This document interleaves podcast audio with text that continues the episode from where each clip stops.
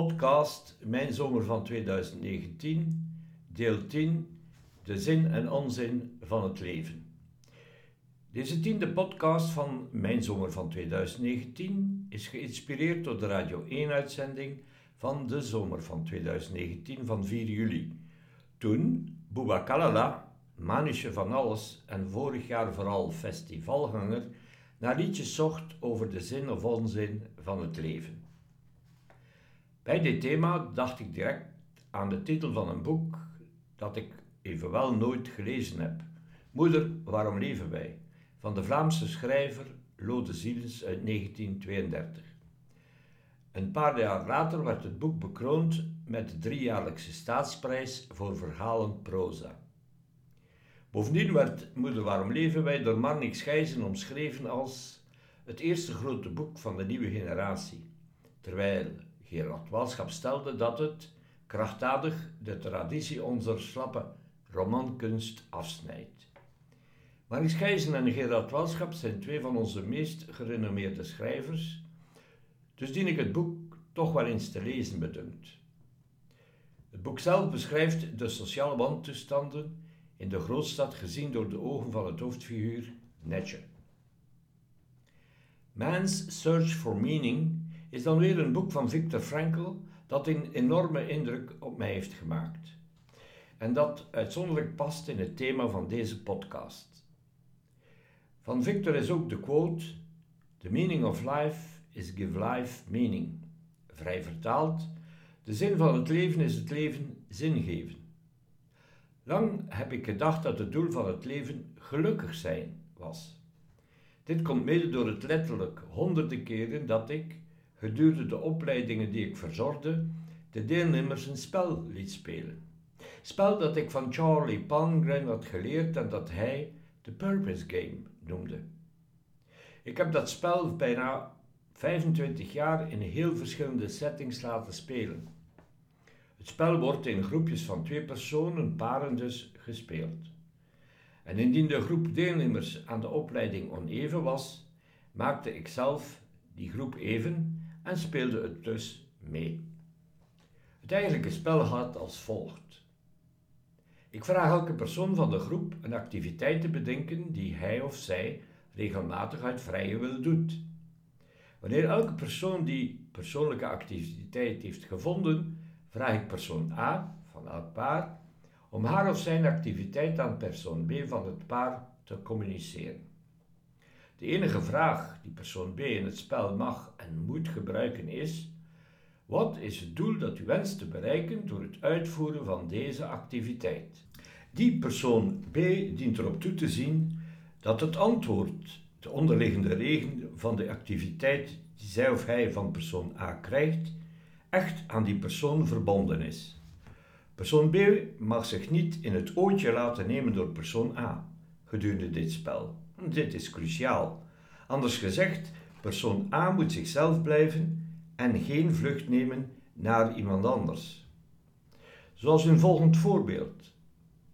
Ik, zei de A, stel, ik breng twee wekelijks een bezoek aan mijn schoonmoeder. Jij, zei de B, vraagt me, Johan, wat is het doel dat je wenst te bereiken door dit te doen?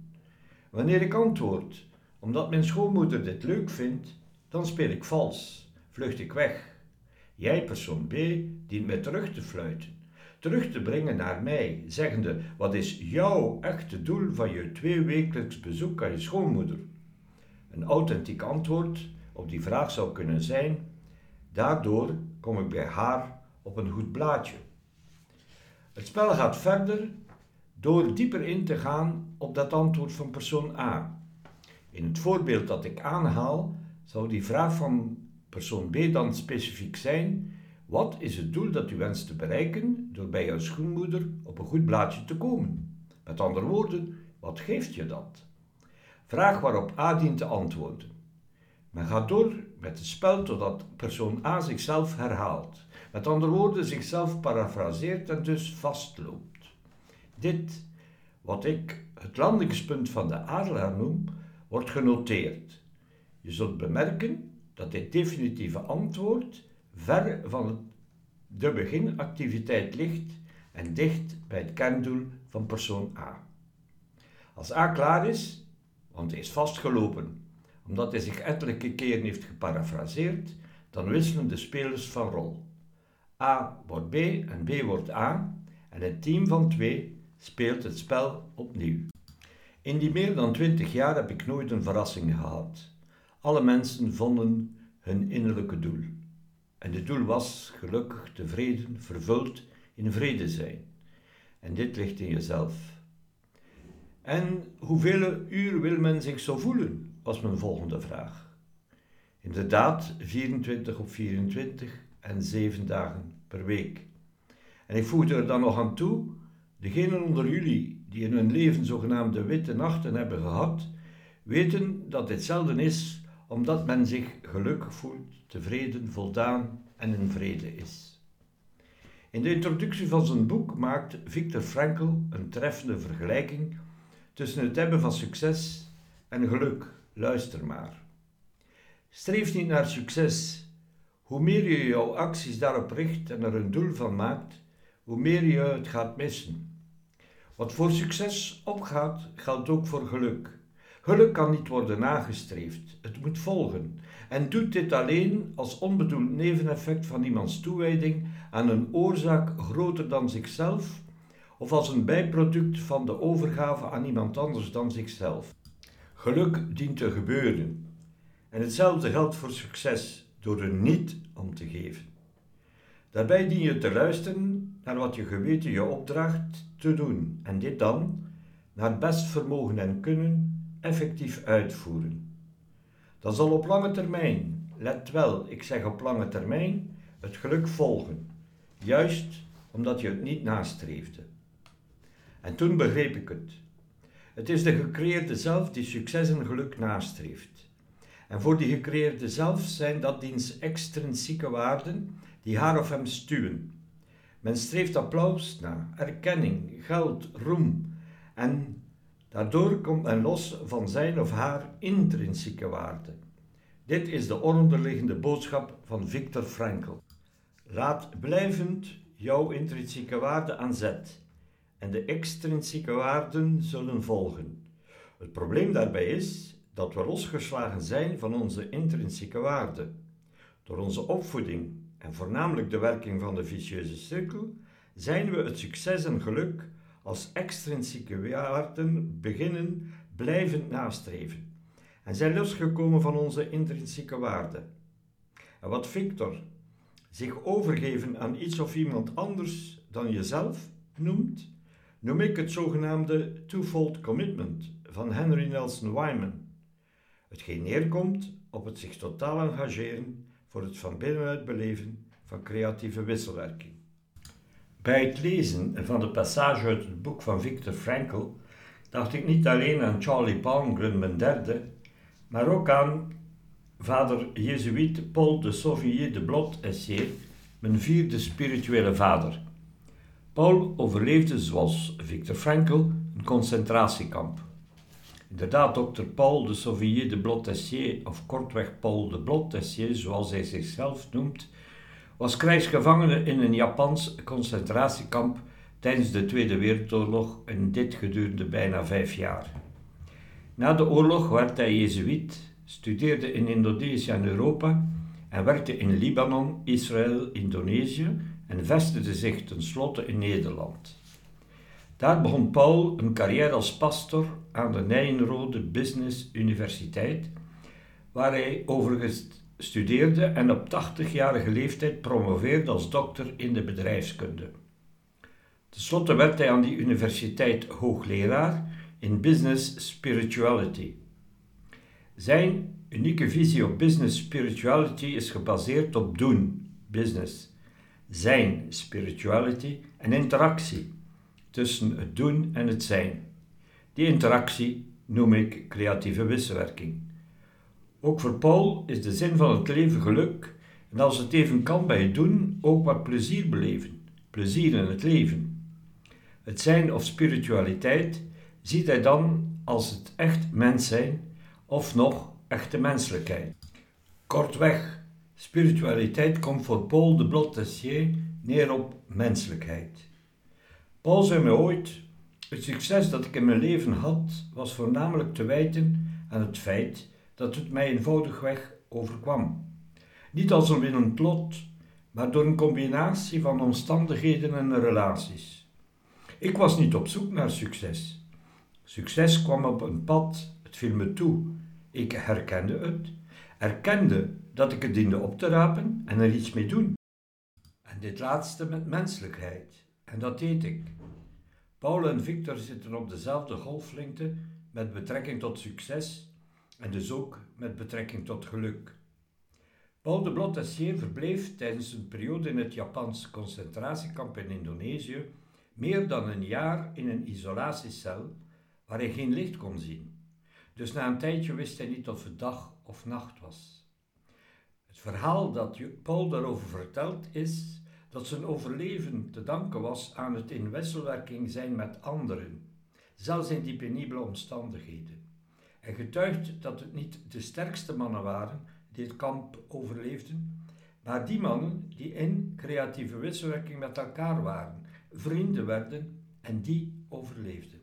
Een song die bij dit alles en dus bij het loskomen van de vicieuze cirkel past, is Badlands van Bruce Springsteen. Daarin zingt Bruce: Now I believe in the love that you gave me. I believe in the fate that could save me. I believe in the hope and I pray that someday it will raise me above these badlands. Springsteen parafraseert daarbij apostel Paulus' hooglied van de liefde, waarover ik het uitvoerig in de zesde podcast van deze serie Mijn Zomer van 2019 had.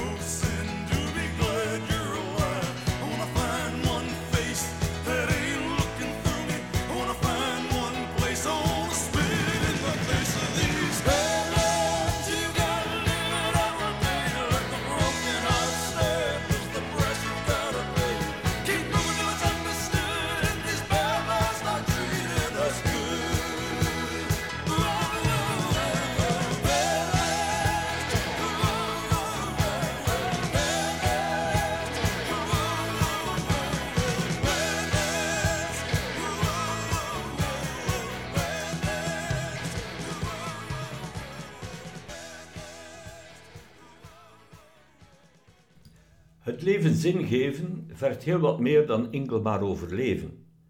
Om dit te duiden vervolg ik met een verhaal uit Zuidelijk Afrika. Onder de stammen van Noord-Natal in Zuid-Afrika is de meest voorkomende groet, het equivalent van onze hallo, de uitdrukking Sawubona. Het betekent letterlijk ik zie je. Dit ik zie je gaat over meer dan het effectief zien van de ander. Het betekent, zoals de misschien meer bekende Indische uitdrukking Namaste, de God in mij ziet de God in u. Of nog, ik zie mezelf door jouw ogen. Of nog ik kom tot leven door u. Deze Zulu-begroeting wordt meestal beantwoord met Nikona, wat betekent ik ben hier. De volgorde van deze uitwisseling is belangrijk. Totdat je me ziet, besta ik niet. Het is alsof je met Sawubona tot leven brengt. Door me te zien en dan komen we in wisselwerking.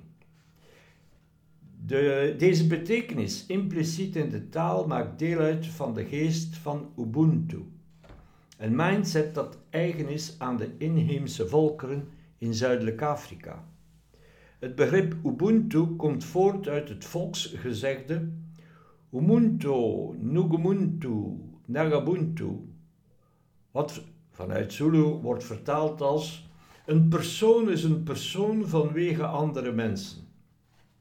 Het tweespan, Sawubona en Nikona, vormen een dialoog. Sawubona is een uitnodiging om deel te nemen aan elkaars leven. Nikona is het positieve antwoord op die uitnodiging. Dit is voor mij de kern van creatieve wisselwerking. Een lied dat de Ubuntu-filosofie mooi vertolkt, is het gelijknamig lied van Touriste Le MC en ook het campagnelied van 1111 van 2019.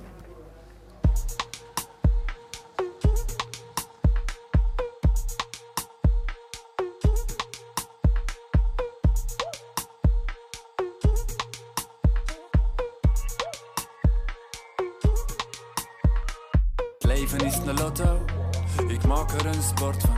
Ik trek even geen foto, er niks van de realiteit. Iedereen is er aan spoed en iedereen zijn zegening. Aan de tafel de verdoemde wordt er honing en melk gemist. Oh, gezien, wie dat ontmoet, komt de ooit jezelf tegen. Terug naar de bron, aan de tijd, oude bekenden van elkaar. Laten we angstverhaal en wat menselijkheid delen.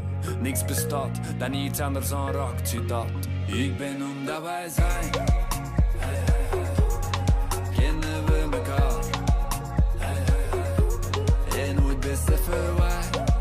Hey, hey, hey. De wind raakt ons allemaal. De wind raakt ons allemaal. Geet zoekers naar geluk, geet zoekers naar rijkdom. Geen zoekers naar problemen, il faut de tout pour faire. We zijn chemie met te veel we hebben muziek in de borst. Zij die leven om te haten, oh, killen with love, killen with love. Ik ben, omdat wij zijn, meer dan de som der delen. Terug naar de bron, aan der tijd, oude bekenden van elkaar. Laten we angstverhaal en wat menselijkheid delen. Niks bestaat dan iets anders aanraakt, ziet dat.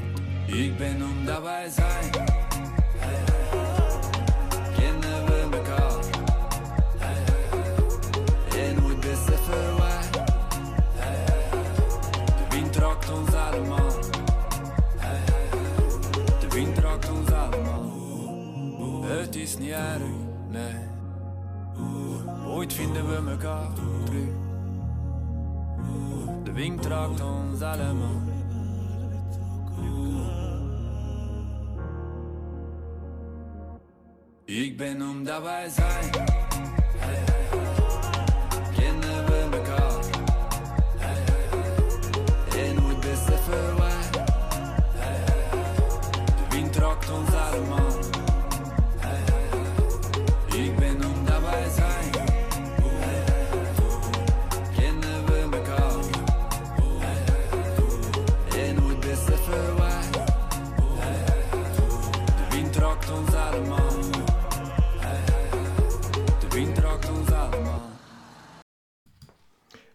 Frankl heeft het in zijn reeds geciteerde boek ook over de nood aan een fundamentele transformatie, die nodig was om meer te bekomen dan enkel maar overleven. Zijn gedachten daaromtrent werden jaren later geparafraseerd door wijlen president John Fitzgerald Kennedy tijdens diens inaugurale rede van 20 januari 1960. Laat ik Victor aan het woord. Wat echt nodig was, was een fundamentele verandering in onze levenshouding. We moesten onszelf leren en bovendien moesten we elkaar, wanhopige mannen die we waren, leren dat het niet uitmaakte wat we van het leven verwachten, maar eerder wat het leven van ons verwachtte. We dienden te stoppen met vragen te stellen over de zin van het leven en in plaats daarvan denken aan wat het leven ons vroeg. En dit elk uur van de dag. Ons antwoord op wat het leven van ons vraagt, dient niet in praten en meditatie vertolkt te worden, wel in juiste actie en in correct gedrag. Leven betekent uiteindelijk de verantwoordelijkheid nemen om het juiste antwoord te vinden op problemen die het leven ons stelt en om de taken te vervullen die dit antwoord voor mij als individu in petto heeft. Eloïse, Edward en Elvire, meer dan eens in mijn leven had ik zelf zo'n fundamentele transformatie van houding en gedrag nodig. Bijvoorbeeld in 2008, tijdens mijn donkerste periode tot nog toe, in het midden van een diepe depressie, toen zwarte gedachten me regelmatig achtervolgden. Ik moest mezelf dwingen te beseffen dat het leven misschien nog steeds iets van me verwachtte. Anders gesteld, ik diende me te realiseren wat er in de toekomst van Johan Roos werd verwacht. En iets verder in het boek zegt Viktor Frankl: Elk individu is uniek en geeft een unieke betekenis aan zijn bestaan. En hoe zij of hij dit doet, heeft evenveel invloed op haar of zijn creatief werk als op de invulling van haar of zijn menselijke liefde. Wanneer men zich realiseert dat het eigen leven uniek is, dan heeft men dit de mogelijkheid om de verantwoordelijkheid die men heeft voor zijn bestaan ten volle te vatten. Dan wordt men zich bewust van die verantwoordelijkheid die men heeft tegenover mensen, tegenover die mensen die liefdevol nabij zijn en tegenover het onvoltooid werk. Zo iemand zal nooit zijn leven kunnen weggooien. Wanneer zij of hij het waarom voor haar of zijn bestaan waarderend begrijpt, kan zij of hij bijna elke hoe dragen.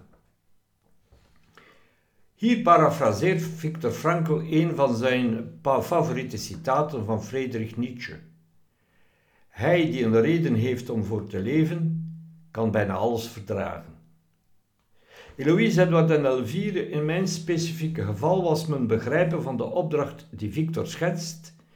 Ik diende mijn depressie te overwinnen door mijn liefde voor mijn vrouw Bonnie, onze dochter Daphne en jullie, onze drie kleinkinderen, een nieuwe vorm te geven en daarboven een boek af te maken, mijn persoonlijk onvoltooid werk, cruciale dialogen. Het leven zin geven noem ik donken. Met andere woorden, denken en doen. Daarbij gebruik ik het levendgevend en transformatieproces waar we alle mee geboren zijn en dat ik creatieve wisselwerking noem. Dus voor mij is de zin van het leven het van binnenuit beleven van creatieve wisselwerking. Verder schrijft Viktor Frankl nog: de zoektocht naar de zin van zijn leven is de primaire motivatie van de mens en geen secundaire realisatie of rationalisatie van zijn instinctieve driften. Deze zin is zo uniek en specifiek dat het alleen door hem of haar moet en kan worden vervuld. Alleen dan krijgt het een betekenis die zijn wil of haar wil tot zinveving zal bevredigen. Ook de zin van het lijden wordt door Victor als volgt geschetst. Wanneer we niet langer in staat zijn om een situatie te veranderen, denk maar aan een ongeneeslijke ziekte zoals kanker, worden we uitgedaagd om onszelf te veranderen. Eloïse, Edward en Elvire, toen er bij mij in het najaar van 2013 darmkanker werd geïdentificeerd, diende ik chemo- en bestralingstherapie te ondergaan voordat de kanker operatief kon verwijderd worden. Terwijl men de kanker nog steeds kon behandelen, was het, naar ik uit de reactie van het diensthoofd van de dienst radiotherapie van AZ Sint-Jan, mevrouw Dr. Geertrui de Meester, kon opmaken, vijf voor twaalf. Gedurende die maanden had ik genoeg tijd om mezelf te transformeren door het beantwoorden van één enkele vraag. Hoe wil je, Johan, worden herinnerd door je drie kleinkinderen, Eloïse, Edward en Elvire? Dit antwoord was terug het in het nu, creatieve wisselwerking van binnenuit beleven en bovendien doorgeven aan jullie, Eloïse, Edward en Elvire. En dat laatste zullen jullie geweten hebben. Maar zoals Bruce Springsteen in One Step Up zingt, When I look at myself, I don't see the man I wanted to be. Somewhere along the line, I slipped off track. I'm caught, moving one step up and two steps back. Die ook ik, hoewel het in mijn geval eerder een echte nachtprocessie is, mijn levenswagen af en toe terug op de rails te zetten. Eloïse Edward en Elvire, zo kom ik bij het antwoorden van de vraag: wat is de onzin van het leven? Mijn antwoord is simpel: het oeverloos nastreven van extrinsieke waarden. Dit laatste doe zelfs ik, die beter zou moeten weten, nog af en toe, totdat ik mij ter orde roep en ik begrijp dat dit geen zin heeft, dat ik daardoor ontspoor en ik me terug verbind met mijn intrinsieke waarde. Mij verder transformeren in de richting van mijn originele zelf, door het van binnenuit beleven van creatieve wisselwerking en daarmee mijn leven zin geeft.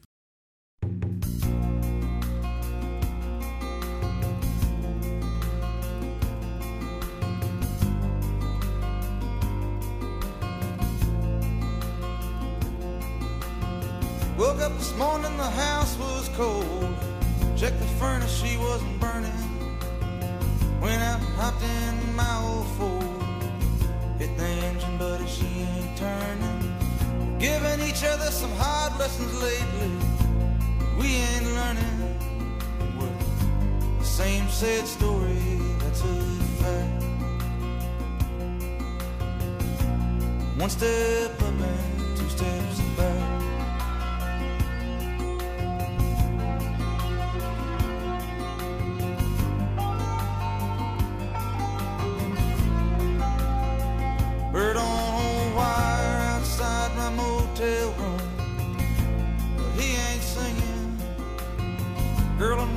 outside a church in June. But the church bells ain't ringing. Sitting here in this bar tonight. But all I'm thinking is I'm the same old story, same old act. One step